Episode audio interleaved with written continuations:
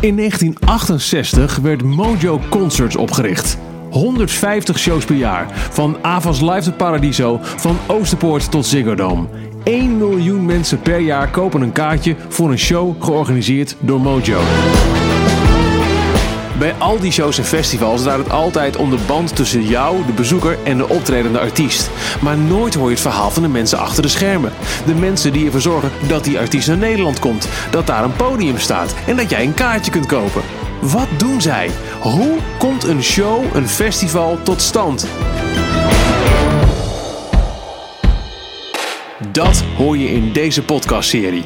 De mensen van Mojo Concerts, de mensen achter de schermen, de mensen die ervoor zorgen dat jij naar een concert kunt gaan, komen aan het woord. Welkom bij 50 jaar Mojo. Hoi, mijn naam is Michiel Veenstra en ik heet je welkom bij deze nieuwe aflevering van de 50 jaar Mojo podcast. Waarin ik elke keer praat met kopstukken van of mensen achter de schermen bij Mojo Concerts. Een bedrijf dat al 50 jaar de meest uiteenlopende festivals en concerten organiseert. In deze aflevering praat ik met projectmanager Outdoor Shows Maarten van Lokven en Ronnie Hoog-Antink. Hij is Head of Festivals bij Mojo. En beide gaan ze over de locatie. Waar vindt dat ene concert plaats? Waarom moeten we helemaal naar vul de plaats aan de andere kant van het land voor waar je woont maar in. En wat maakt nou een goed festivalterrein? Allemaal van die vragen waar je nooit bij stilstaat als je een treinkaartje koopt richting dat ene terrein zo ver van jouw huis. Maar er is natuurlijk wel over nagedacht. Dat en veel meer hoor je in deze aflevering van 50 jaar Mojo. ik ben Maarten Verlokven en ik ben projectmanager van uh, veel grote outdoor shows. Ehm, ik uh, doe dat werk al 25 jaar. En uh, het is wel grappig. 25 jaar geleden ben ik begonnen bij een concert van Bon Jovi in Nijmegen. En uh, nou, aan de komende zomer zitten we er weer met dezelfde artiest. Maar dan 25 jaar later. Hoop gebeurt. Ik ben Ronnie Ogantink. Ik ben 52 jaar en ben momenteel bij Mojo um, Head of Festivals, zoals dat, dat heet. Um, maar ik ben ook 25 jaar geleden ongeveer begonnen in vaste dienst bij bij Lok 7000. En uh, twee jaar geleden hebben we de overstap gemaakt naar Mojo. Maar we werken al, uh, al die 25 jaar eigenlijk al samen met, uh, met Mojo Concerts. Wat is jullie overeenkomst? Waarom zijn jullie aan elkaar gekoppeld voor deze podcast? Want ik hoor Bon Jovi en ik hoor festivals. Oh ja, dat is een goede vraag. Wij, wij, um, eigenlijk zijn we samen, met een heel team hoor, nou, vanaf begin af aan ja, betrokken bij het ontwikkelen van outdoor shows. En het verschil tussen een outdoor show en de indoor shows bij dit bedrijf is dat ja, in veel gevallen een indoor show is alles al geregeld. Um, veel is er al geregeld. Hè. Het is, het is een, een, stadion of een zaal die al ja, helemaal ingericht is. De horecavoorzieningen zijn geregeld. Uh, ja, um, ja, vergunning is, vergunning is geregeld, horeca, horeca wat ik al zei, uh, sanitair, uh, parkeren. Ja, je komt gewoon in een, in een, uh, in een zaal terecht, hè, in een congresgebouw, waar alles ja, geregeld is. En, en uh, ja, wij, uh, uh, wij moeten alles nog uh, vanaf begin af aan optuigen als we zo'n show doen. En dat vergt veel, veel onderlinge afstemming. En ja, dat is eigenlijk onze relatie. Ja. Van, van, van pionieren tot het rondjes rijden ergens in de polder en kijken waar we, waar we iets kunnen gaan doen. Ja, dat, dat schept wel een band. Ja, dat vind ik wel interessant. Er zijn natuurlijk, uh, en daar komen we zo op terug, uh, al de usual plekken hè, voor, voor outdoor uh, shows en festivals. maar inderdaad, hoe vind je zo'n plek? stel, en misschien is het wel vrij recent gebeurd, dat weet ik eigenlijk niet eens. Stel, je moet een, een, nieuwe plek vinden in Nederland waar je een grote outdoor show of een groot festival kan neerzetten. Hoe pak je zoiets aan? Waar begin je? Nou ja, het begint altijd bij, uh, bij uh, de outlines van een, van een festival. Wat is het concept van het, van het, uh, van het festival? En dat, de omvang is, wordt natuurlijk bepaald door, door hoeveel, hoeveel mensen er komen, maar ook hoeveel, hoeveel podia je wil. En blijven die mensen dan allemaal nog slapen het hele weekend? Of komen ze maar één dag? Of komen ze halverwege de middag en zijn ze s'avonds om 11 uur weer weg? En dat bepaalt eigenlijk wel de criteria waarop wij een terrein gaan zoeken eigenlijk. En uh, nou ja, we hebben dat vrij recent, zou je dan kunnen zeggen, voor Down the Rabbit Hole uh, hebben we dat natuurlijk nog gedaan. Waarbij uh, nou ja, Maarten en ik eigenlijk wel locaties hadden gevonden. Want we wilden heel graag iets met een recreatieplas of met water erin. Dus we hadden allerlei locaties wel gevonden. En toen zijn we dan wat het allemaal wel zou kunnen. Maar uiteindelijk hebben we natuurlijk toch het hele creatieve team, zoals wij dat noemen, de boekers, die vooral een gevoel hebben bij wat moet de inhoud van het festival worden. Die hebben we wel meegenomen een halve dag in de auto en, ehm, en al die locaties laten zien. En toen wij eigenlijk de moed al opgegeven hadden, toen hadden we nog één locatie en dat was de Groene Heuvels in Beuningen. Wat eigenlijk een recreatieplas was die een beetje in de vergetelheid geraakt was. Zelfs mensen in de omgeving wisten niet eens meer dat die plas er nog lag. En eh, daar kwamen we uiteindelijk einde van de middag terecht. En uh, Maat en ik hadden de hoop al een beetje opgegeven. En toen zei eigenlijk iedereen die in het team zat, die zei van dit is het, hier moet het gaan gebeuren. En uh, nou goed, toen waren er vrij veel uitdagingen met het terrein, maar, maar toen is het daar ook gebeurd uiteindelijk. En, nou ja, Maarten heeft de laatste jaren nog wel vaker naar terreinen gezocht. Dus. Nou, dat is wel grappig, want die groene heuvels van, van Down the Rabbit Holes... dan moet je toch wel zien dat we twee jaar, nou, dik twee jaar voordat de eerste editie er is... daar dan in zo'n, op zo'n herfstdag staan. Het regent, er is, er is geen blaadje meer aan de boom. Dus groene heuvels kan je niet echt meer noemen. Ja, je staat daar dus eigenlijk in, in de dauw uh, een beetje met de, met de laarzen aan te kijken van hoe, hoe kunnen we hier, hoe kun je verbeelden dat hier straks 30, 35.000 mensen staan te kijken naar, naar, naar een act. En, en, hoe kunnen we dat op een goede manier faciliteren? Want dat, dat is eigenlijk wel vooral van onze kant heel erg de drijfveer. Niet zozeer die creatieve kant. Maar hoe kunnen we dit faciliteren dat we, hier, ja, dat we het mogelijk kunnen maken? Ja.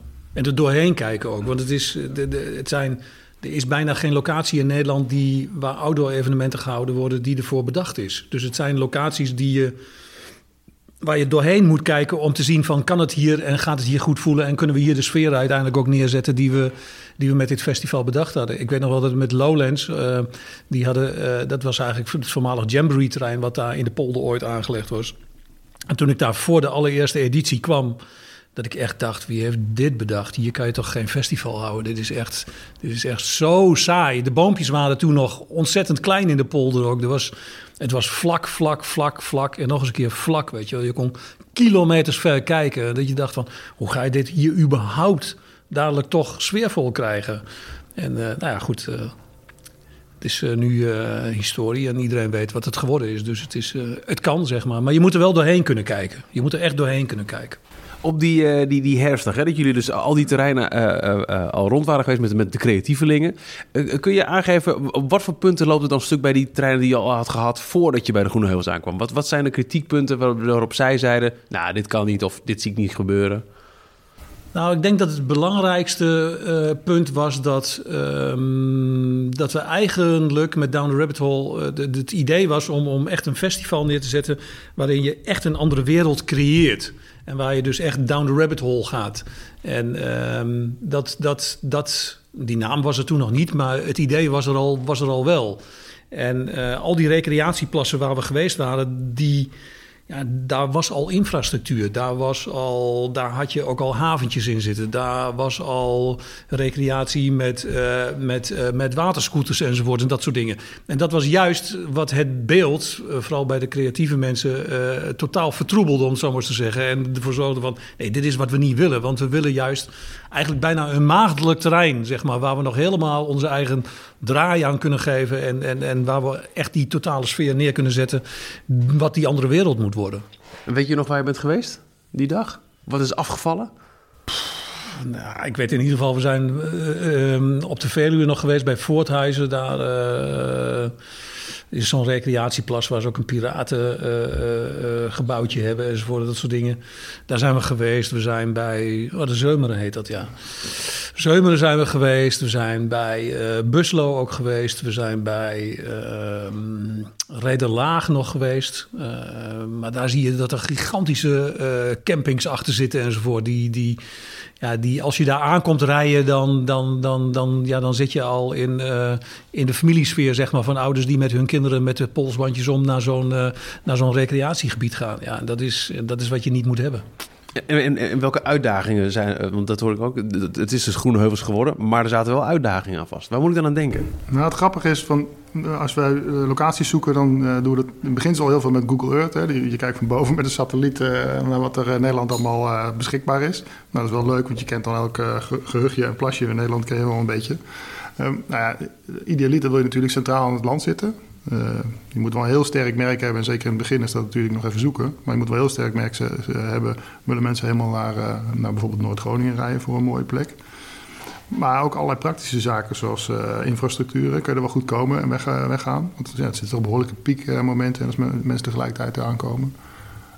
we wilden heel graag in de nacht ook programmeren. Dus dat betekent dat je ja, toch wel een geluidsvergunning nodig hebt die die in de nacht geen hinder ondervindt bij, bij bewoners. Dus de afstand tot, tot de bewoning moet, moet groot genoeg zijn. Uh, nou ja, terreingesteldheid, is wel een fijn, uh, fijn onderdeeltje.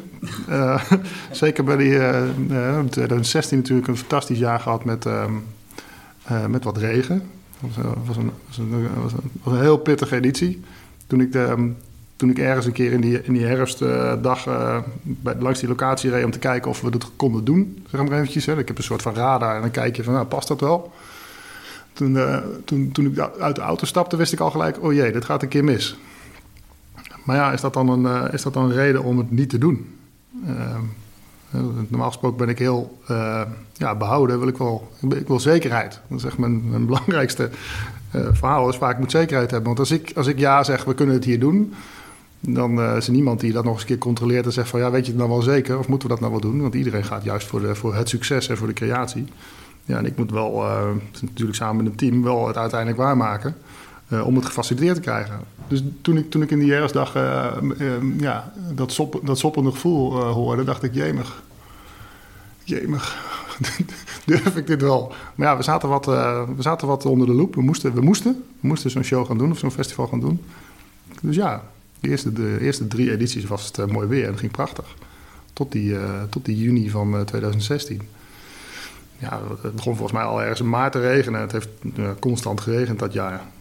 Volgens mij iets van het top, toprecordjaar aan regen.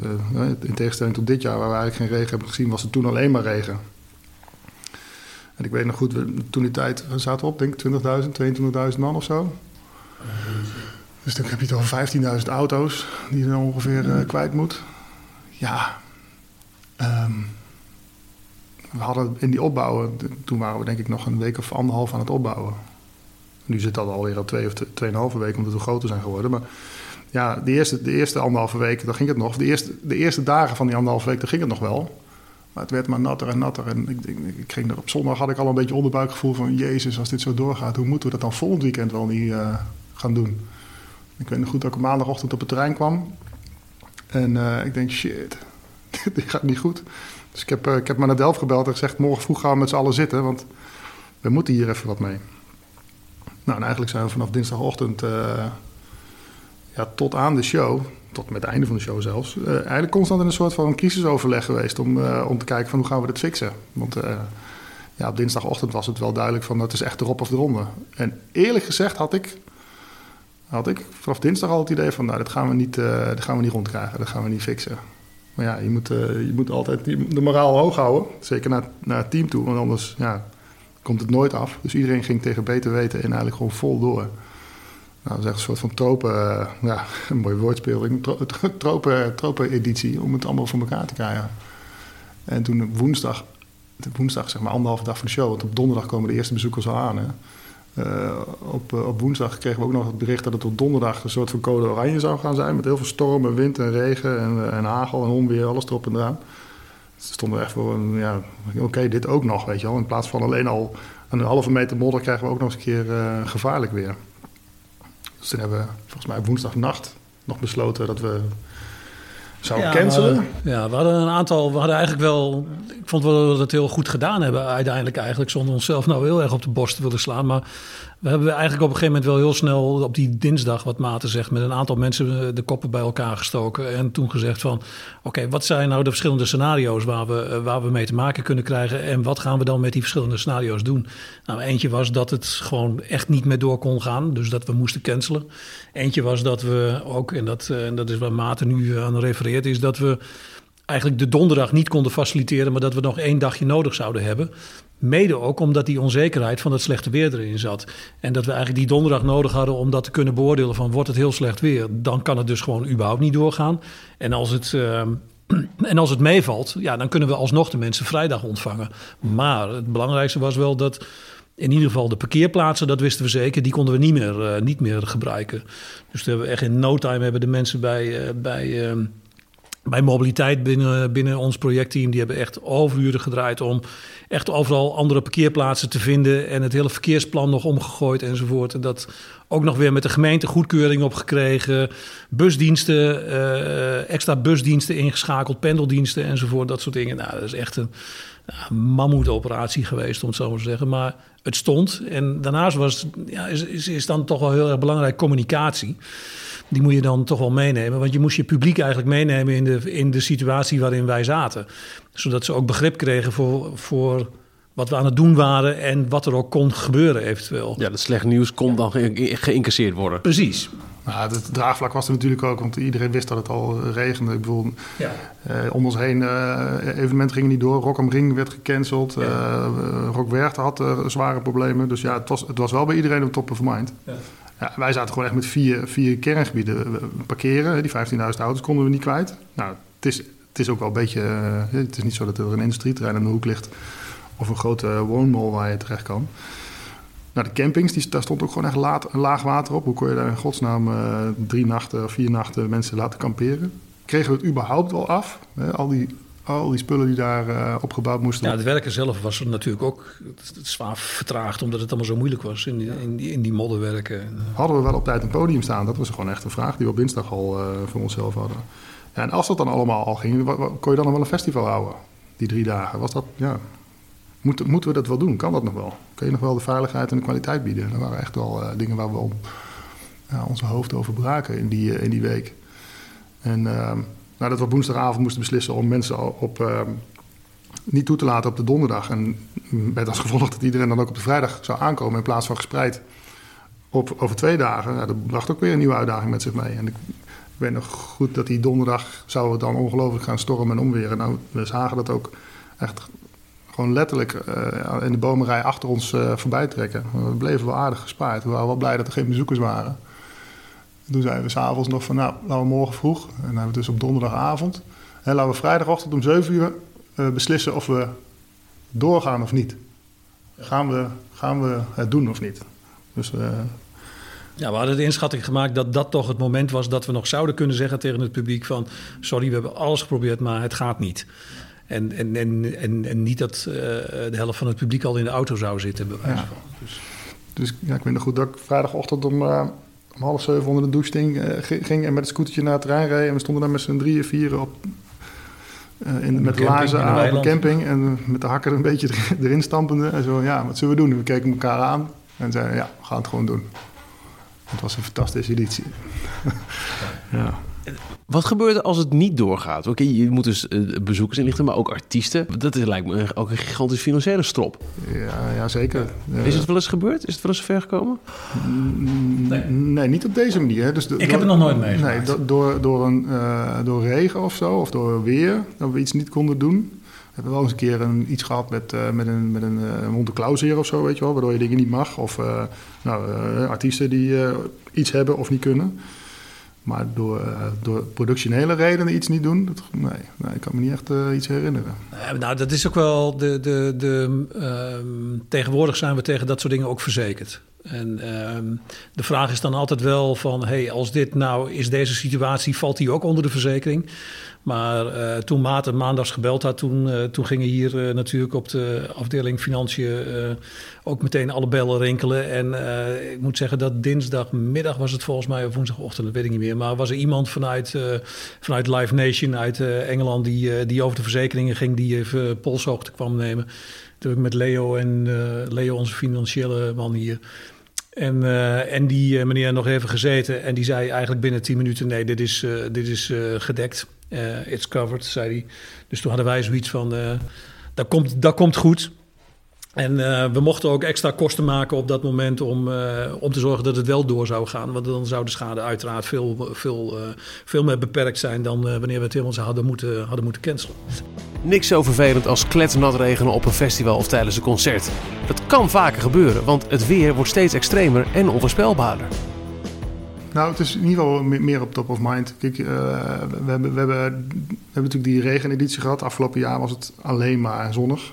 Uh, ik denk dat we daar steeds meer mee te maken krijgen. Maar ik heb, ik heb laatst eens een keer een panel, in een panel gezeten met een paar klimaatdeskundigen en die geven aan dat het weer gewoon wat grilliger wordt. Maar of dat nou echt voor ons nou, je een moet wel, issue gaat zijn. Ja, nou ja, wat de zomers wel... worden langer en dat betekent meer, meer, meer kansen voor een show.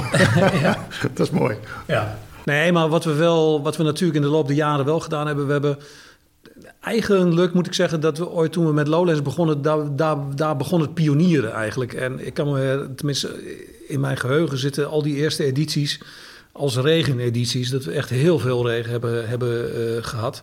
En uh, ja, daar liepen we eigenlijk ieder jaar er tegenaan van wat zijn nou de beperkingen van een terrein met slecht weer. En um, ja, wat je doet is toch op een gegeven moment, en dat zit ook een beetje in onze aard, denk ik, uh, om dan toch te gaan pionieren over van hoe kunnen we nou zorgen dat we. Ja, dat, we, dat de risico's kleiner worden, maar ook dat, het, dat de service die we naar het publiek toe willen bieden, dat die wel zoveel mogelijk gewaarborgd blijft.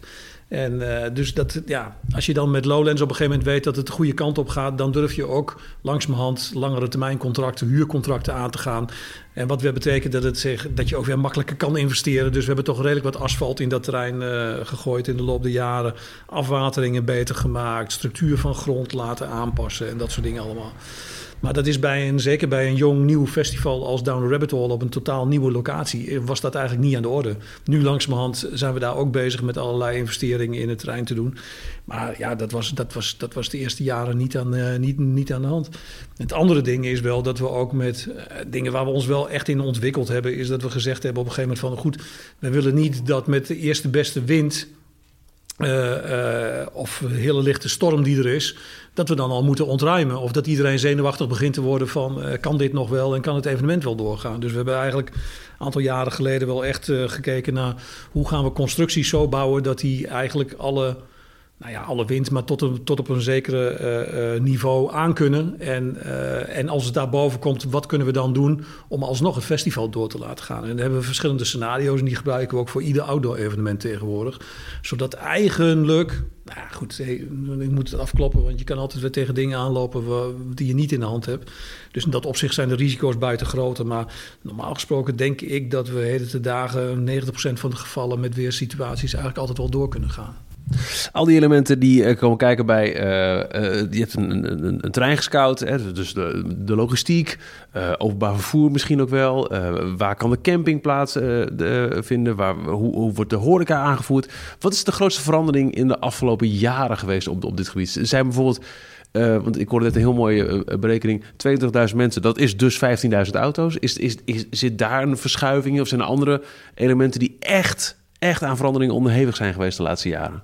Ja, bizar veel. Um, als ik terugkijk naar luchtfoto's bijvoorbeeld van, uh, van 10 of 20 jaar geleden, dan zie je gewoon dat we heden ten dagen uh, ruim twee keer zoveel aan ja, uh, service verlenen. Dus er is gewoon twee, letterlijk twee keer zoveel materiaal op een trein. Hoe kan dat? Ja, er zijn, ik denk toch dat we in Nederland heel erg uh, gewend zijn om altijd het beste en, het meest efficiënt te doen. We zijn al ongeduldig als we moeten wachten in een file of op station of weet ik veel wat allemaal. Een broodje schiet niet op bij, bij een counter. Dus we zijn, ja, we zijn altijd bezig als, als Nederlandse volk om ja, meer, meer, meer. Snel en service en, en, en, uh, en efficiëntie. Uh, en dat zit ook bij ons in de, in de, in de genen. Dus het, ja, ik denk dat dat een belangrijk deel is. Ik, weet, ik, ben, nog, ik, ben, nog, ik ben nog goed, in 2000, uh, nou wat zal het geweest zijn, 11 of zo, belde Leon op. Ik was, ik was op wintersport en Leon zegt, ja, um, kunnen, we, kunnen we Coldplay doen op Malieveld? Ik zei, ja, uh, ja, tuurlijk. Ik denk het wel. Er worden wel vaker evenementen gehouden. Maar het laatste evenement dat wij daar georganiseerd hadden, dat was in, wat zal het zijn, 96? 99 volgens mij de Rolling Stones toen geweest, ja. Ja, zoiets. Regen, regen, dus er zat 15, 16 jaar tussen totdat... Ja, dat was niet echt een groot evenement geweest. Ja, er, zijn wel evenementen op dat Malieveld, maar die zijn vrijwel van regionaal karakter. En ja, wij gingen nou een, een, een nationaal evenement doen... waar we mensen gewoon over, vanuit het hele land daar op een... Ook was een donderdagavond, weet je, ook koopavond. Allemaal, allemaal over, die, over die A4 en over die A12 de stad in moeten rijden. En dan gaan we midden in de stad gaan we een concert doen voor 70.000 man. En Leon zegt, ja, kan ik het, kan ik het toezeggen of niet? Zo werkt het bij ons. je zegt iets toe aan een band en je geeft, daar een, uh, geeft een offer mee. Ja, en later terugkrabbelen omdat je iets niet kan, ja, dat werkt niet. Dat niveau zeker niet. dat, dat niveau kan dat niet. Dus ja, ik stond daar op die piste en ik moest nadenken. Ja, moet, geen idee. Ik heb het Malieveld wel. Maar ja, waar moeten we die... Daar hadden we het ook over. 20, 22.000 auto's. Waar moeten we die kwijt op een donderdagavond? In Nederland werkt het zo dat je... Uh, je, krijgt, je moet een vergunning aanvragen voor dit soort tijdelijke uh, evenementen. Een, een, zaal heeft gewoon een permanente vergunning. Een stadion ook. Dat is gewoon, ja... Als, er niet gevoetbald wordt, dan kan het. Dat is een beetje, dat is een beetje de strekking. Uh, maar ja, bij Malieveld heb je gewoon te maken met allerlei andere omgevingsfactoren. De, gemeente moet een vergunning verstrekken, dus je moet aan alle voorwaarden voldoen. die moet je van tevoren wel kunnen inschatten. Nou, een van die belangrijke voorwaarden is dat die mensen ook veilig erheen kunnen en weer weg kunnen. En het voordeel van, uh, van Den Haag en van Malieveld is dat het gewoon naast het station ligt. Dus je kan daar gewoon uh, flink uitpakken met het openbaar vervoer. Dat heb ik wel nodig, want ja, parkeren 22.000 auto's in zo'n stad, dat, ja, dat krijgen we niet kwijt. Um, dus ja, dan ga je, echt, ga je echt zoeken met een paar mannen. En een paar dagen je, ja, gaat de hele agenda leeg om te kijken of we het kunnen maken. En of we, of, we denk, of we in kunnen schatten of we die vergunning binnen kunnen slepen of niet. Want ja, anders kunnen we geen ja zeggen tegen die act. Uiteindelijk, ja, uh, je gaat de meest rare locaties ga je af. Je trekt echt de stoute schoenen aan. Je gaat gewoon aan de draf- en renbaan en zegt... wij willen jouw baan huren voor een paar dagen... want we willen daar 6000 auto's op zetten. Nou, dat kan niet, zeggen ze dan natuurlijk als, als eerste. En dan zeggen we wel, want als we hier dan met een shovel dit bos weghalen, dan kunnen we hier een inrit maken en dan komen we op die weg uit en dan zus en zo. En, ja, nou, uiteindelijk uh, met, veel, met veel overtuigingskracht en, en positief insteken, ja, kan je zoiets mogelijk maken. Um, dat hadden ze in Den Haag ook nog nooit gedaan. 30.000 mensen met de trein vervoeren in een, in een uur tijd. Dat is gewoon dat is een mega-operatie. Met uh, anderhalf jaar zijn we eigenlijk bezig met, zo'n, met de NS en met andere wegbeheerders, uh, Rijkswaterstaat, provincie, om zoiets te verzinnen. Uh, om dat mogelijk te maken op een veilige manier. Want ook bij ons, bij ons gelden twee dingen. We willen eigenlijk het jaar erop weer terugkomen. Dus het moet goed zijn. We willen niet. Het moet zo goed zijn dat we het jaar erop weer dat kunnen doen. Want die bezoeker moet het dus ook aan zijn zin hebben. en, en er staat ook altijd één ding vast dat zag je net al bij het verhaal van Down the. Als er op het kaartje staat dat we om drie uur open gaan en dat het om negen uur show is, dan is dat zo. Tenzij, die, tenzij er niemand op het podium komt te staan natuurlijk. Maar in die end, we gaan gewoon die show doen. We gaan, ah, de show must go on. Die poort gaat open. Dat is één ding wat, wat zeker is. Dus ik, ik kan nu in deze herfstdag ook al bezig zijn. Nou ja, met 13 juni, dan weet ik dat we dit gaan doen. Dat staat gewoon vast. En dat is leuk van het project, projectmatig werk. Um, ja, en vooral zo'n. Dus, ja, ook in Nijmegen, ook al hebben we daar al 30 jaar lang shows gedaan. Het wordt de 40ste show. Ja, dit jaar wordt het weer een uitdaging. Omdat ja, het wordt een drukke, een drukke zomer, laat ik het maar zo zeggen. Het wordt daar een hele drukke zomer. Dus ja, weer genoeg nieuwe uitdagingen. Maar het heeft heel erg ook met, ook met vertrouwen te maken hoor. En dat is wel als je, als je in Nijmegen uh, uh, kijkt, dan hebben we, dan, dan, nou, wat Maarten zegt klopt. Ik bedoel, we doen al meer dan, meer dan 30 jaar shows. En um, ja, daar hebben ze ook vertrouwen in ons, om het zo maar te zeggen. We worden als een volwaardige partij gezien als we aan tafel komen. En als wij zeggen van, wij denken dat het kan, want zo en zo en zo en zo en zo. Dan wordt dat ook aangenomen. Als je bij een nieuwe gemeente binnenkomt, waar je nog nooit eerder geweest bent... dan, is dat, dan moet je dat vertrouwen winnen in eerste instantie. Niet alleen bij de gemeente, maar ook bij alle instanties die daarbij horen. Want met Coldplay bijvoorbeeld in... Uh, in um, uh, op het Malieveld, waar Maat het over had, was het vooral zeg maar, uh, uh, de, de, lokale vervoerder van het, van, het, van het openbaar vervoer, die eigenlijk zoiets had van ja, maar dit kan niet. En vervolgens zegt de gemeente van ja, jullie moeten hun wel overtuigen dat het ook daadwerkelijk kan, anders kunnen wij de vergunning niet afgeven. En zo werkt het dan. Dus al die partijen heb je nodig bij bij Down the Rabbit Hole in Beuningen was het, was het de politie die in eerste instantie zei van ja, maar dit kan never nooit niet. En, uh, en, en, en zo heb je eigenlijk een, in iedere locatie wel weer ook mensen die je moet gaan overtuigen van dat het wel kan. En, uh, en dan moet je het vertrouwen van winnen. En, en vaak zie je ook als dat vertrouwen gewonnen wordt, en dat is dus ook heel belangrijk voor ons ook, dat je dat vertrouwen niet beschaamt. He, ik bedoel, want je wil, wat Maarten zegt klopt, we willen volgend jaar terugkomen en we willen weer ons ding kunnen doen, zeg maar. En dat, uh, en dat is, ja, als je dan een chaos achtergelaten hebt en uh, je bent je afspraken niet nagekomen enzovoort, ja, dan kom je er volgend jaar gewoon niet meer in. Zo simpel is het. Dan krijg je de vergunning niet meer. Heb je uh, enige idee hoe het kan dat, dat het Malieveld zo lang uit de gratie is geweest? Springsteen is er ook wel weer geweest, daarna nog bijvoorbeeld. Maar wat je, jullie zeggen net daarvoor was het ook 15 jaar niet gebruikt. Terwijl het Goffertpark is al 40 jaar lang, daar zijn we weer. Nou, hij heeft alles, daar kan Maarten heel veel over vertellen. Die heeft daar slapeloze nachten misschien wel van gehad. Maar... zeker. Nee, de terreingesteldheid van het Malieveld is, uh, is, uh, is gewoon een stuk slechter dan van het Goffertpark bijvoorbeeld. En wat we bij Bruce Springsteen gezien hebben is dat... En wat, wat houdt het in? Zachte grond? Ja, zachte grond. Modder, ja, eigenlijk dat de toplaag het water blijft staan en de toplaag wordt eigenlijk uh, blubber, om het zo maar eens te zeggen, bij, bij, bij veel regen. En de waterdoorlaatbaarheid van de grond, dus het water zakt niet weg... Dus blijft staan. En daardoor, ah, het is, niet, uh, het is, uh, het is geen goede service naar je, naar je bezoekers toe... Uh, die met de poten in de modder staan en in het water.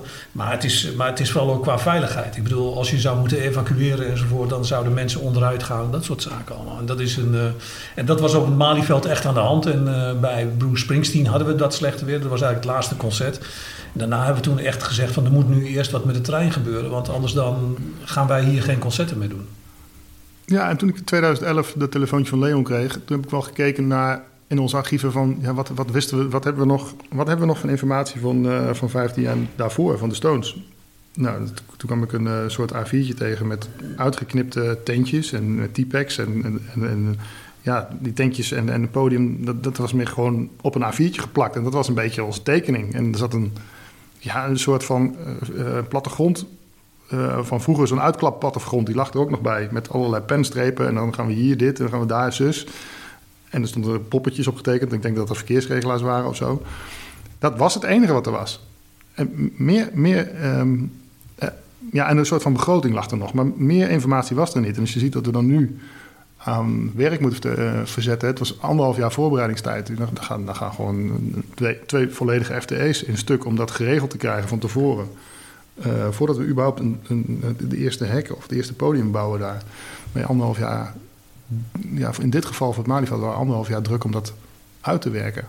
Dus je vraagt van, ja, waarom, waarom deed je eigenlijk niks op het Malieveld? Ja, omdat het gewoon, we hadden daar de plannen niet voor liggen.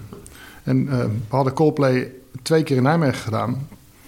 En ja, ze waren heel populair. Dus het jaar erop kwamen ze weer. Om dan weer naar Nijmegen te gaan, is ook weer zoiets. Dus Leon zei, ja, dan moeten we maar dat Malieveld. Ja, oké, goede reden. Dat is een goede reden. Lachen, nu kijken of het kan. ja, nu kijken of het kan. Maar jullie weten dus... Uh, Oké, okay, wat, wat, is het, vakantie. wat is het blubberigste terrein van Nederland? Van, van de bestaande festivallocaties? Oeh, geen idee. Ja. Ik wil het niet weten. Jawel, zeg maar niet. Ja, ik denk toch dat ik... Uh, dat, dat, dat, Amsterdamse Bos. Oeh, ja. Amsterdamse Bos. Dat is wel het ergste wat ik ooit eens een beetje meegemaakt heb. Daar heb ik echt zochten staan kijken van dat ik echt dacht van uh, kunnen we wel open? Want dit is, dit is, toen deden we de New Frontier. Uh, dat is de uh, midden jaren negentig ergens denk ik of zo. En we hadden het een keer in Almere op het strand gedaan. Samen met wat andere partijen. Dat was, een, dat was, dat was eigenlijk mooi als eerste echte dancefeest om het zo maar te zeggen. Wat we toen deden. En in Almere op het stand kon het vergunningstechnisch allemaal niet meer. Dus er werd uitgeweken en toen gingen we naar, uh, naar het Amsterdamse bos. Maar ook daar hadden we echt een hele slechte periode met regen. En het Amsterdamse bos is echt, het is echt nou, het is zo'n zachte grond. Dus echt, als je erin liep, dan, dan liep je al tot je enkels bijna in de modder. En het was, nou, was een gigantisch zware, moeilijke opbouw, weet ik nog. En uh, het terrein was ook zo ja, het was zo'n blubber gewoon overal eigenlijk. Overal waar gereden was, ook om de tenten te bouwen enzovoort. Dat, ja, we hadden er heel veel stro op de vrijdagnacht nog inge, ingekieperd, weet ik. En uh, je liep over een bedje van stro eigenlijk over het hele terrein. Maar het voelde alsof je, alsof je, alsof je dronken was, zeg maar. Dus het, nou, het was echt, gaan we dit wel doen of gaan we dit niet doen? Het, was wel, ja, dat was echt, uh, daar, daar zaten echt sporen in het terrein daar, tot, je, tot je middel, zo, uh, zo, zo diep. Ik weet nog dat we voor de VPRO een, uh, een cabin hadden neergezet. Dat is wel beeldend misschien, maar we hadden een cabin neergezet en die hadden we achter de mainstage neergezet. En daar zouden, zouden mensen van de VPRO ook uh, gaan zitten die dag en hun reportages maken enzovoort. Alleen we waren er echt niet meer aan toegekomen om er nog een, uh, om er nog een houten plankier naartoe te leggen. Dus die stond echt in the middle of nowhere in de blubber. En ik weet nog dat ik achter het podium stond, s ochtends, zaterdag, ochtends na te denken over van kunnen we nou wel of niet open. En toen kwam er een mevrouw aan met, uh, met, uh, uh, met hoge hakken en een lange regenjas aan. En die zei tegen mij van, meneer, weet u ook waar de cabin van de VPRO is? En ik zei van, ja, die staat daar, die staat daar rechts, daar moet je zijn. En die mevrouw deed echt een verwoede poging om daar te komen. En ik weet nog dat ik echt op een gegeven moment keek en ik zag haar staan. En ze, ze stond echt tot aan haar knieën bijna in de modder met die, met, die, met die pumps in haar handen. En kwam niet meer voor of achteruit. Dus echt Nou goed, we zijn uiteindelijk ook daar open gegaan. En ehm, eh, we hebben ongelooflijk veel kosten moeten maken. Ook na afloop om het trein weer in orde te krijgen. Maar, eh, maar het feest is doorgegaan, ja. Beste trein van Nederland? Ja, het ligt er een beetje aan wat je. Ik denk als concertterrein uh, gaat mijn hart ook wel een beetje uit naar het Goffertpark in Nijmegen. Dat is gewoon, eigenlijk kan je bijna altijd terecht. En dat is, uh, het is, ja, het is, het is prachtig mooi terrein, maar het is ook qua bodemgesteldheid. Want het is al die grindlagen die daaronder zitten, dat is echt geweldig. Ik bedoel, het is, uh, daar kan je eigenlijk, hoef je bijna geen rijplaten te leggen, kan je met trucks alles gewoon oprijden. Dus dat, dat, dat vind ik wel een van de beste terreinen als het gaat om voor concerten, voor festivals. Ja, maar vind ik Lowlands toch wel een heel mooi terrein. Ja, ja. Wat is de slechtst bereikbare plek van alle grote event uh, venues? Nou, in principe zijn ze allemaal heel slecht bereikbaar als je te veel mensen uitnodigt.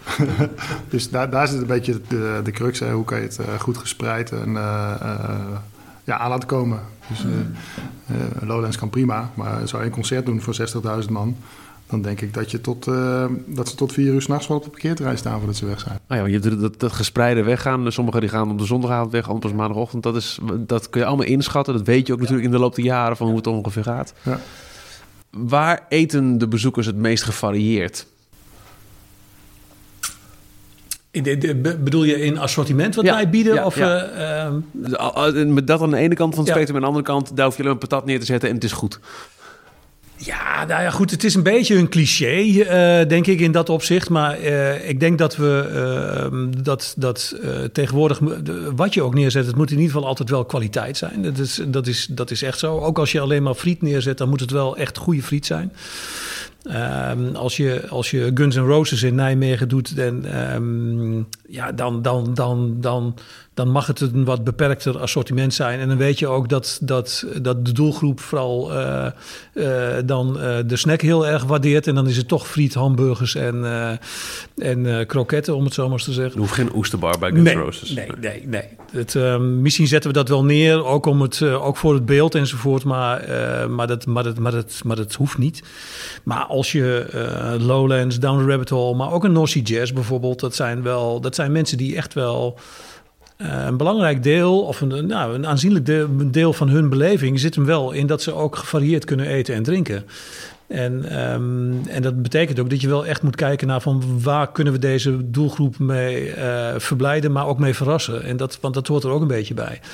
En we proberen bijvoorbeeld bij Lowlands toch echt wel ieder jaar twee, drie nieuwe cateraars neer te zetten die echt met een nieuw, met een nieuw concept komen. En uh, waarvan we voor tijd ook niet precies weten vaak hoe het dan uitwerkt. En het kan ook zijn dat ze het jaar erop er niet meer zijn bijvoorbeeld. Maar we dwingen onszelf wel om daar altijd wel weer nieuwe concepten neer te zetten. En uh, ja, het meest divers is het wel, omdat Lowlands ook mede door de omvang is toch wel Lowlands, denk ik, uh, dat daar de meeste diversiteit staat. Ja. ja. Is het ook het grootste, grootste festival wat jullie doen, Lowlands? Uh, in omvang, uh, qua, uh, qua ja, wat er allemaal bij komt kijken, is het wel echt het grootste festival. En dat heeft ook echt te maken met dat, dat, dat, dat alle, alle 60.000 bezoekers die, blijven, die verblijven daar dus echt drie nachten ook. En eigenlijk komt het merendeel al op donderdag tegenwoordig en gaat op maandag pas weg. Dus je hebt ze, je hebt ze echt 24-7 op, je, op, je, op je terrein. En dat betekent dat je ook qua faciliteiten, het is een boutique festival, dus we hebben al 12 podia alleen al. Dan heb je alle randprogrammering, alle uh, horeca, alle aankleding wat er is enzovoort. Ja, dat is echt immens, zeg maar, wat daar, uh, wat daar, moet, uh, wat daar moet komen. En alle campings die ingericht moeten worden. En tegenwoordig met glamping ook nog eens een keertje. Dus dat is, ja, dat, dat, dat is echt qua omvang en qua diversiteit echt het grootste festival. Ja. En hoe, hoe lang ben je daar bezig met het moment dat je de allereerste vrachtwagenstrein op laat rijden... totdat de laatste weggaat en alles schoon is? Hoe, hoeveel tijd moet er aan denken? Nou ja, eigenlijk beginnen we drie, dik drie weken van tevoren op het trein met het uitzetten. Dat gaat tegenwoordig met GPS. Uh, beginnen wat mensen met, uh, met het uitzetten van al die, uh, van al die paaltjes, piketpaaltjes. Ehm, tot anderhalve week na het festival. En, maar dan moet het ook wel heel strak en heel goed uitgeproduceerd zijn. Anders dan ga je dat echt niet redden. En dan kan het nog wel zijn dat het qua weer nog eens een keer misschien met de afbouw wat tegen zit, met schoonmaken of zo. Maar, uh, maar eigenlijk kunnen we dat redelijk goed plannen, dat het, uh, dat het, dat het binnen die 4,5 week uh, wel gedaan wordt, inclusief de show. Ja. Dat is natuurlijk ook een verschil. Ehm, als je het hebt over de logistiek en, en de horeca, heb je al bij een indoor show. Maar ehm, bij een indoor show heb je ook na afloop, je gooit een paar van die, van die, die, die schoonmaakwagens erheen klaar. Hoe is dat bij een Lowlands, bij, eh, maar ook bij een, een, een meer incidenteel iets, zoals Bon Jovi in het Goffertpark? Hoe, wat, wat tref je aan als iedereen weg is? De laatste bezoekers eh, eh, lallen nog het terrein af en dan kijken jullie over het terrein in en wat zie je dan?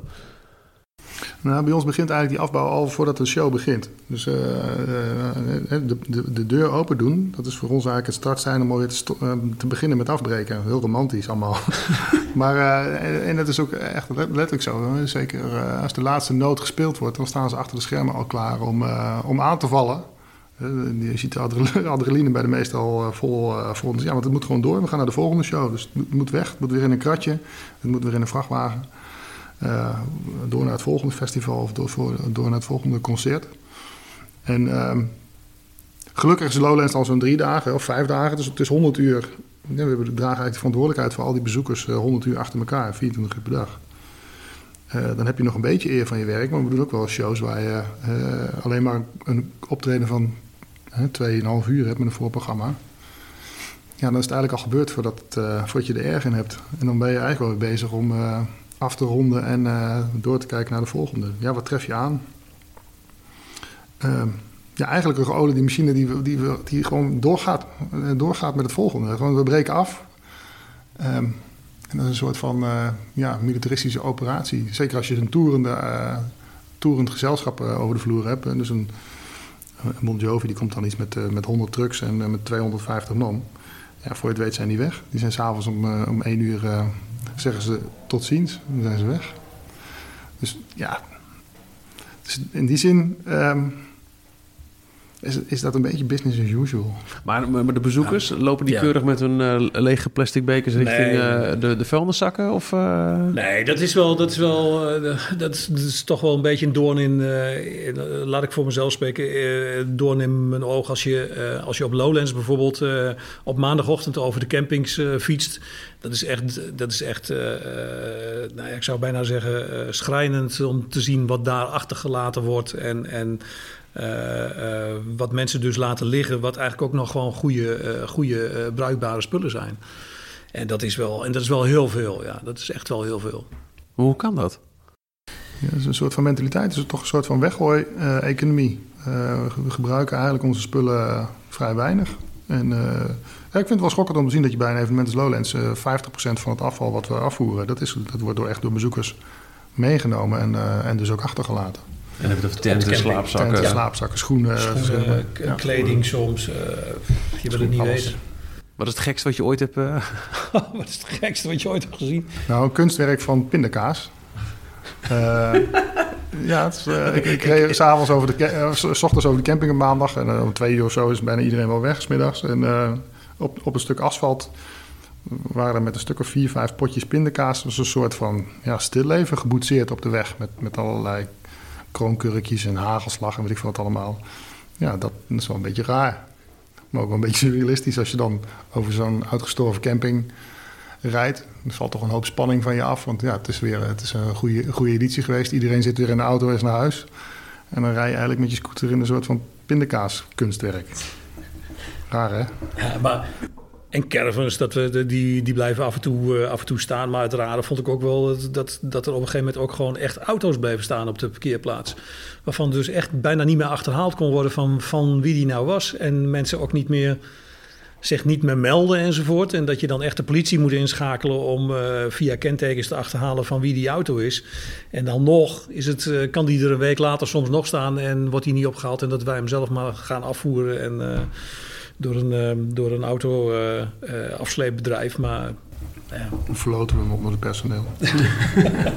nou ja, op, op, een gegeven moment ben je wel klaar met het verloten van tenten. Ik bedoel, wat, wat, wat gebeurt daarmee? Want ga, ga je er nog, nog na? Is dit bruikbaar? Kunnen we hier iets mee? Of... Ja, er komen wel uh, stichtingen langs die uh, veel spullen ophalen. Van, uh, van, van, van, van petflessen tot kampeerspullen. Ja, Stichting ja, voor goede doelen. Echt, uh, daar hebben we ook wel een samenwerking mee. Maar die, die hebben standaard maandagochtend ja. of maandagmiddag. Ja, die komen dan echt kijken van wat zijn nog de bruikbare spullen. En, uh, of scoutingverenigingen uit de buurt die dan uh, spullen kunnen gebruiken. Dat soort zaken. Ja, ja, proberen we wel. Of voor goede doelen ingezet, ja. ja. Um, hoe zit het met, met, met plastic eigenlijk? Uh, plastic bekers op, uh, op, op festivals, kan dat nog? Ja, wij gebruiken al, uh, denk ik, 16 jaar geen plastic bekers meer op onze evenementen. Ze lijken wel van plastic, maar ze zijn van, uh, van een uh, organisch materiaal.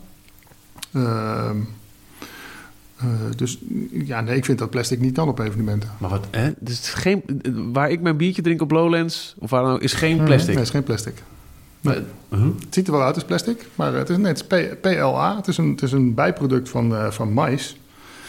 Dus wat je bij de, bij, bij de maisconsumptie niet meer kan gebruiken, daar kunnen ze zetmelen van onttrekken. En daar maken ze bekers van.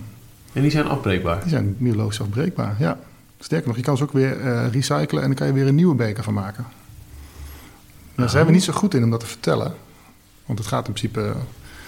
Nee, dat is wel nieuw voor me, ja. Ja. ja. Maar ja, dus ja, al, onze, al onze disposables op evenementen zijn van uh, organische oorsprong. Nou, ik zou het harder roepen. Ja. Nou, precies. Volg het nieuws.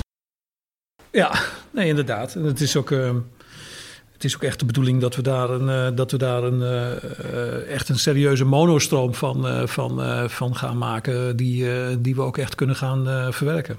Of zelf of, of via een afvalverwerker. Maar um, ja, dat het eigenlijk een, een, een, een, een circulaire werking krijgt. Ja. We zijn in 2002 of zo ermee begonnen. Dat is al vrij lang. Ja, ja. nou, het, ja. Kudos. ik, zie, ik zie een duim omhoog gaan. Ja. ja. Dat moet even gezegd worden, het is audio.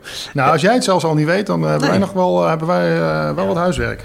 Dus nou die, ja, die er is best mee. wel de discussie de laatste... Hè, dat, Zeker. Dat, dat is heel recent zelfs. Hè, de Zeker. plastic rietjes, EU die verbiedt wattenstaafjes, weet ik veel. Ja. En je gaat naar, naar festivals. En uh, er, er zijn een paar festivals in Nederland die echt wel voorop lopen. En ook, en ook zich, uh, die, dat die er prat op gaan.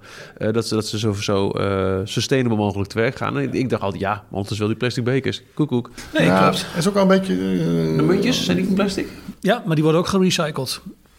Die zijn wel van plastic, maar die worden wel gerecycled. Daar wordt weer granulaat van gemaakt en, die, uh, en dat wordt weer gebruikt om andere producten van te maken.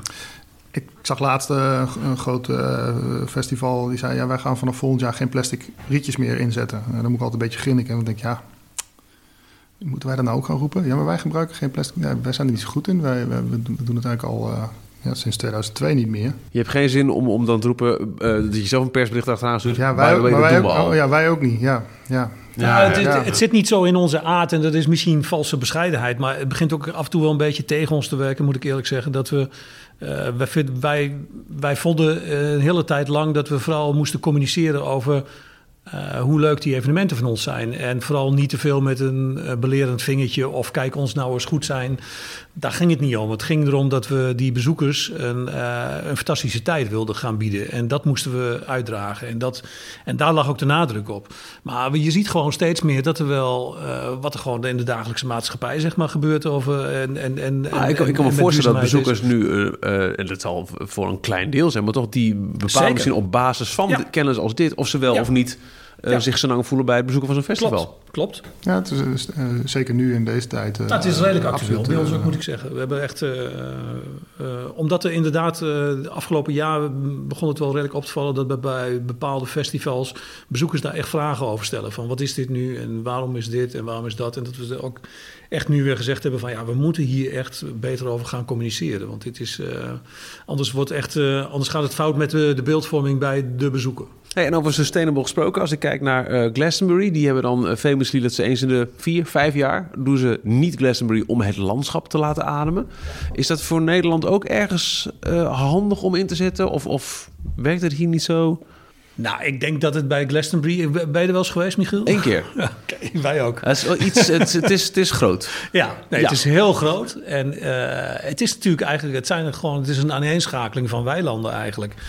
Dus in die zin, uh, met zoveel mensen kan ik, het me, uh, kan ik het me wel voorstellen dat ze zeggen van ja, uh, het is af en toe goed om het, om het een jaartje niet te doen. Maar ik denk dat wij bijvoorbeeld, als je dan, als ik, als ik naar Lowlands kijk, daar hebben we zoveel in het trein geïnvesteerd enzovoort, dat het eigenlijk prima kan. En, uh, dat terrein is, het, het terrein van Glastonbury is eigenlijk. Ja, het is eigenlijk een natuurlijk. Ja, het is een, het is een natuurlijk terrein. Of zo, ja. ja. Ja, en een dal. En een dal. en ik kan me toch. Ja, ik heb toch de indruk dat ze daar ook wel iets met beheersbaarheid uh, een probleem hebben. Uh, je hebt het gezien, hè, er staat een soort van Chinese muur omheen. Van, uh, van 4 meter aluminium schutting. Ja, 185.000 mensen. Ja. ja het, het, beheersbaarheid van, van dat evenement is wat een stukje ingewikkelder dan de projecten die we in Nederland doen. Jullie gaan wel eens uh, op, op studiereis neem ik aan naar het buitenland. Glastonbury, was dat, was dat business of pleasure dat je er was? Tenminste, ik hou van uh, muziek en, uh, en festivals. Dus het is altijd ook pleasure. Maar nee, Glastonbury hebben, we, hebben jij en ik destijds bezocht, Maat en ik. puur om ook eens te kijken van hoe gaat het daar. En het wordt toch wel de, de moeder alle festivals genoemd. Dus we moesten dat toch zeker ook een keertje zien. En... Ehm, dus, dus, dus, dus ja, studiereizen doen we vaak. eigenlijk nou ja, heel veel festivals zijn we wel, uh, zijn we wel geweest. Van Siget tot, uh, tot, uh, tot nou, Glastonbury, maar ook Download in Engeland. Ehm, Roskilde we geweest. Afgelopen jaar zijn wij nog met z'n tweeën nog naar Openen geweest in, ehm, in hoe heet het, boven in Polen. Bij Gdansk, ja. Um, dus ja, en je leert er overal weer van. Zeg maar, met, met een notitieblokje, pen en papier. Nou, vooral uh, met een open mind. We, we zijn uh, in Burning Man geweest uh, vorig jaar. Ja. Nog op andere festivals, Coachella, Electric Daisy. Je, je, steekt er toch altijd wel weer wat impressies haal je eruit. En je denkt van, hé, hey, als we dat nou eens doen... het Burning Man hebben we bijvoorbeeld bedacht van... Bij Lowlands hadden we altijd een hele strikte scheiding tussen camping en festival. En daar uh, zijn, uh, zijn 70.000 man een hele week in de woestijn zonder enige vorm van controle. Uh, en ja, laten we dat eens, waarom, waarom doen we dat eigenlijk? Waarom controleren we nog mensen die van de camping naar het festivalterrein gaan? nou, dus daar zet je wel aan denken. En dan ga je even met een paar mensen over doordenken en filosoferen van waar zitten nou je risico's? En hoe kan je die dan op een andere manier tegenhouden? Dan ga je eens een keer met de burgemeester praten, met een officier van justitie. Nou, langzaam komt er dan een idee. En dus zo'n studiereis is dan toch, uh, ja, je haalt er niet heel veel uit. Maar elke keer zet, zet er toch wel ergens een dingetje aan wat je, wat je aan het denken zet. Nederland is een regeltjesland en waar we er soms wel eens over mogen klagen, alles is maar geregeld. Laat we eerlijk zijn, op een festival is het gewoon best fijn dat je nooit lang hoeft te wachten op je biertje of je patatje. Een groot verschil met buitenlandse festivals. Ja, zeker. We zijn, we zijn als, als Nederlands volk volgens mij al eh, heel efficiënt. Uh, dat zie je gewoon uh, zelfs op onze, onze zuidenburen en oosterburen, die organiseren op een heel andere eh, manier evenementen. Ik was een paar jaar terug, twee, drie jaar geleden, bij Rock am Ring. Dat is toch ook, wat zit er, 80 of 100.000 man? Uh, nou, als je naar dat podium kijkt, dat zijn twee ongelooflijk grote podia naast elkaar... Met, met de meest grote bands achter elkaar. Maar voor het podium staan allemaal van die tapwagentjes... die we vroeger ook bij de kermis zagen, weet je wel. En dan staan, staan ze daar blikje, of bekertje voor bekertje eh, in te schenken. Ja, het is gewoon twee uur rijden van, van, van Nederland vandaan. En bij ons kunnen we het bier niet aanslepen. Weet je wel? Het, is, het, is, echt een manier van aanbieden en de cultuur die we hier hebben. Uh, uh, die gewoon echt verschilt ten opzichte van, uh, van de rest van Europa, maar ook van, vanuit van Amerika. We, we lopen daar in, in, Nederland denk ik wel in efficiëntie eh, zwaar voorop. Ja. ja, maar ook qua service. En, en, en, en ik, ik, durf wel te zeggen, ik denk dat het meest onderscheidende vind ik wel de horeca. Dat vind ik, als je rondloopt, eh, merk je dat uh, meteen. Ik bedoel, we hadden het net over Glastonbury, maar daar zie je... Uh, ik denk dat ze in Glastonbury, denk ik, zes barren hebben of zo... Of, op, het hele, op het hele terrein, op die 185.000 mensen. Je ziet ook niemand met een biertje lopen? Nee, iedereen loopt met rugzakken en met van die grote literblikken bier... waar, ze mee, waar ze mee rondlopen. Ja, dat kan je, dat, ja, dat kan je in Nederland echt niet, echt, niet, uh, echt niet voorstellen. Ik was laatst nog eens een keer, kwam ik wat collega's tegen die een festival in Amerika organiseren. En die, uh, en die vertelden mij dat ze dan zo gigantisch geïnvesteerd hadden in het hele VIP-gebeuren enzovoort. En toen ze het begonnen uit te leggen van wat het nou inhield uh, en wat hun dat opleverde, ook toen dacht ik van ja, maar dat is wat bij ons iedere bezoeker op Lowlands gewoon standaard heeft. Dus dan zou eigenlijk iedere Lowlands bezoeker zou gewoon een VIP zijn in hun, uh, in hun ogen. Dat is echt wel, dat is echt wel een serieus uh, verschil. En, en, en ja, wat je ook ziet wel is, denk ik, de, wij hebben de laatste jaren, uh, zoals bij Lowlands bijvoorbeeld, toch echt wel de Alfa en de Bravo weer als, als, als podium echt ja, echt wel weer een next level neergezet, denk ik. En dat, uh, en dat zie je in het buitenland toch ook veel, veel, uh, veel minder. Ik bedoel, dat, uh, de kwaliteit van de podia, maar ook wat er aan licht en geluid vaak hangt, vind ik toch wel echt substantieel anders dan wat, er, dan wat, we, dan wat we bij ons in de kleinste, kleinste tentjes nog hebben. Dus dat is echt wel een verschil. Het aantal uh, festivals en, en outdoor feesten, dat is gigantisch toegenomen de laatste jaren. Uh, de glazen bol, is jullie afdeling over tien jaar verviervoudigd? Gaat dit ophouden? Is er, is er een, een, grens aan wat wij Nederlanders kunnen doen in de buitenlucht? Ja, ik, ik, um, ik denk dat er niet meteen een grens is aan festivals uh, uh, in de breedte. Want ik denk dat, dat uh, als je kijkt van hoe Nederland zich qua uitgaan enzovoort uh, ontwikkelt, zie ik wel dat er een hele grote behoefte is aan festivals überhaupt. Ik denk ook dat het een deel van de reguliere horeca eigenlijk uh, vervangt tegenwoordig.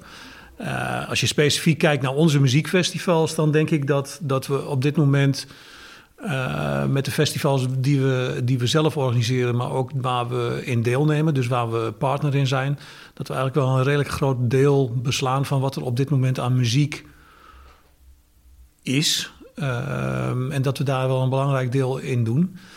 Um, ik denk dat het. Dus ik denk dat daar of daar nog zo heel veel groei zit, dat weet ik heel eerlijk gezegd niet.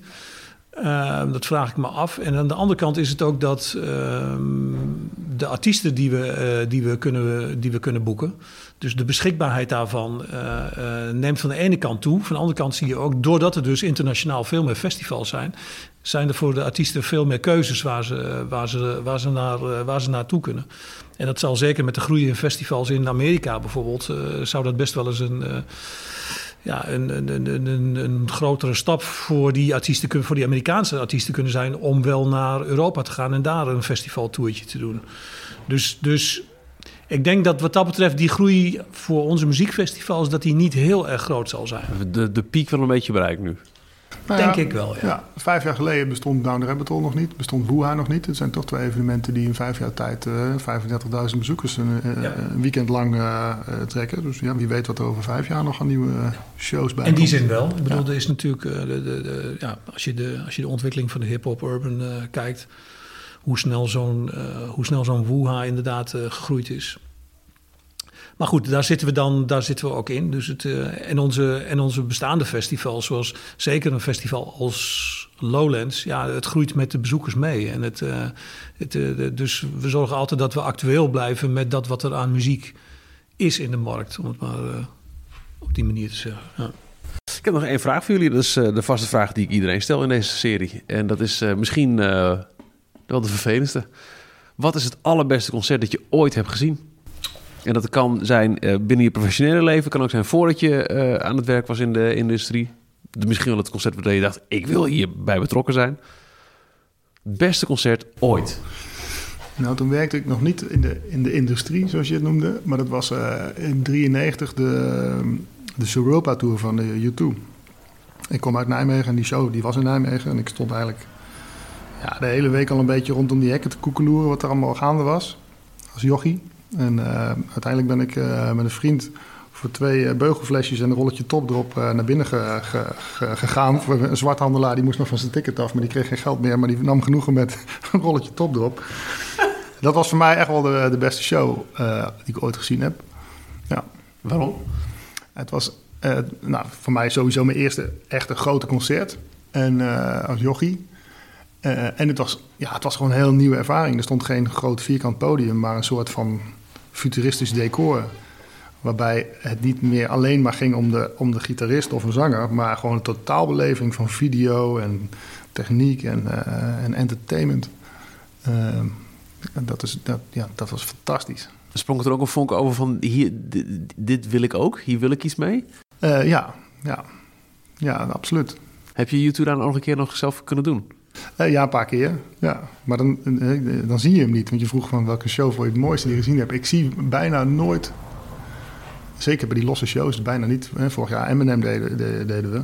Ik wou dat nummer met die rap god, waar hij zo ongelooflijk snel kan rappen, wou ik zien. Weet je wel? Ik, vind dat gewoon, ik, ik, ik hou van, ik hou van hip-hop. En dan weet je ook op de setlist weet je wanneer die is. Dus je weet ongeveer welk, welk tijdstip. Um, de portofoon uit moet. De, de portofoon uit moet en je even het hoekje om moet lopen. Maar er is altijd wel weer iets waarom je weer eventjes moet bijsturen of moet mee overleggen en kijken wat er is. We hadden een pinstoring, geloof ik, die dag. Was dat Zoiets, die, ja. Was dat ja. die show? Ja, 65.000 man konden even niet binnen. Ja, gaat toch voor het nummer. Ja, toch wel. En Ronnie, beste concert ooit? Ja, ik, ik, ik vind het heel moeilijk. Uh, um, mijn muziekkeuze heeft daar niet direct mee te maken. Maar als ik, als ik echt naar concerten kijk die echt voor mij legendarisch waren. Vooral ook om het, om het, uh, om het effect op het uh, publiek. Dan zijn er dat denk ik, dan wil ik, er toch drie noemen. Er was, eentje was in Spanje ooit, was um, in de Pyreneeën een festival met Doctor Music Festival. Daar hadden we op de donderdagavond onaangekondigd Rage Against the Machine. En dat was het laatste concert van hun tour. En er waren 15.000 mensen, Spanjaarden, die niet wisten wat er het podium op kwam. En toen kwam Rage Against the Machine. Nou, die 15.000 mensen ontploften al. En de band had er zo'n zin in dat we die begonnen s'avonds om, uh, om 12 uur. En die zouden tot 2 uur spelen. En vanaf 2 uur stonden er vier limousines achter het podium met ronkende motor om die jongens naar weg te rijden. Want die gingen allemaal ergens anders naartoe. En om kwart voor drie uh, heeft uh, de tourmanager echt, ze echt van het podium gesleept... omdat ze, omdat ze nog steeds door wilden gaan. Nou, dat, was echt, dat was echt heel uniek. En ik stond aan de zijkant, ik mocht het meemaken. Het was echt geweldig, echt fantastisch. Het andere was het concert van Ramstein in de toen nog Heineken Music Hall... Dat was, ik, had ze wel ik had een fladder gezien op Lowlands en dat, uh, daar was ik zeer van onder indruk. Maar wat Maarten net zegt, het klopt. Ik bedoel, er is altijd wel iets, dus je kunt nooit een hele show bijna zien. En um, toen heb ik ze in, uh, in Heineken Musical gezien. En toen, uh, toen waren ze echt, echt net heel groot aan het worden. En ik, dat, is een, dat is een concert waar, waar ik aan de zijkant boven op het balkon stond. En ik keek naar beneden en die band begon te spelen. En het publiek werd vloeibaar. Dat was het eerste keer dat ik echt zag dat het publiek vloeibaar werd. Het was echt het was niet normaal hoe dat, hoe dat ook reageerde op de band enzovoort. Dat was echt heel fascinerend, maar ook geweldig om mee te mogen maken. En het derde was, wat het, ik, ik was helemaal niet thuis in uh, de hip-hop. Waarschijnlijk ben ik daar uh, misschien een te oude lul voor, zo, dat weet ik niet. Maar, en we hadden uh, Kendrick Lamar de eerste keer op Lowlands. En ik dacht van, nou, daar hebben we toch wel een hoop geld aan uitgegeven. Dus ik moet toch maar eens even gaan kijken wat het is. En ik kwam in de Alfa en hij was net begonnen, echt net begonnen. En dat heb ik bijna het hele concert ook, heb ik het vol kunnen houden, dat ik niet weg hoefde. En dat was gewoon kippenvel. Dat was gewoon van begin tot eind kippenvel. Dat echt 35.000 bezoekers die er waren, Lowlanders die er waren. En letterlijk alle teksten ook woordelijk meezongen. Dat is gewoon, ja, dat is echt, uh, dat was ook kippenvel. Dus dat, uh, dat waren mijn drie hoogtepunten, denk ik. Ja, ik probeer altijd wel het, het eerste nummer van, uh, van zo'n show. Dat probeer ik altijd al, zeker als het een losse show is. Een festival is natuurlijk, ja, spelen de honderden. Maar de eerste show te doen, en ik nog dat we ja, ja, Tina Turner is nou niet echt een ding waar ik nou uh, dagelijks naar luister. Maar we deden die show in de arena. Het was het allereerste concert wat in de arena plaatsvond. En dat, die kaarten werden natuurlijk ook weer een jaar van tevoren verkocht. Alleen ik weet nog goed dat de, de aanduiding op de tickets was anders dan uiteindelijk de bebording van het stadion. Dus als je op je kaartje had staan rij 3, stoel 7, deur J, dan stond er, op, stond er op de stoel en op de rij en op de, boven de deur iets anders. Handig. Ja, dat was heel handig. Gelukkig wisten we dat op tijd, dus konden we dat verzinnen. En uh, zo leer je ook zo'n heel stadion van binnen en buiten kijken, ik, uh, kennen. En um, nou, het was toen echt een tochtig, uh, tochtig avontuur. En ik weet nog dat zij opkwam met een nummer Whatever You Want.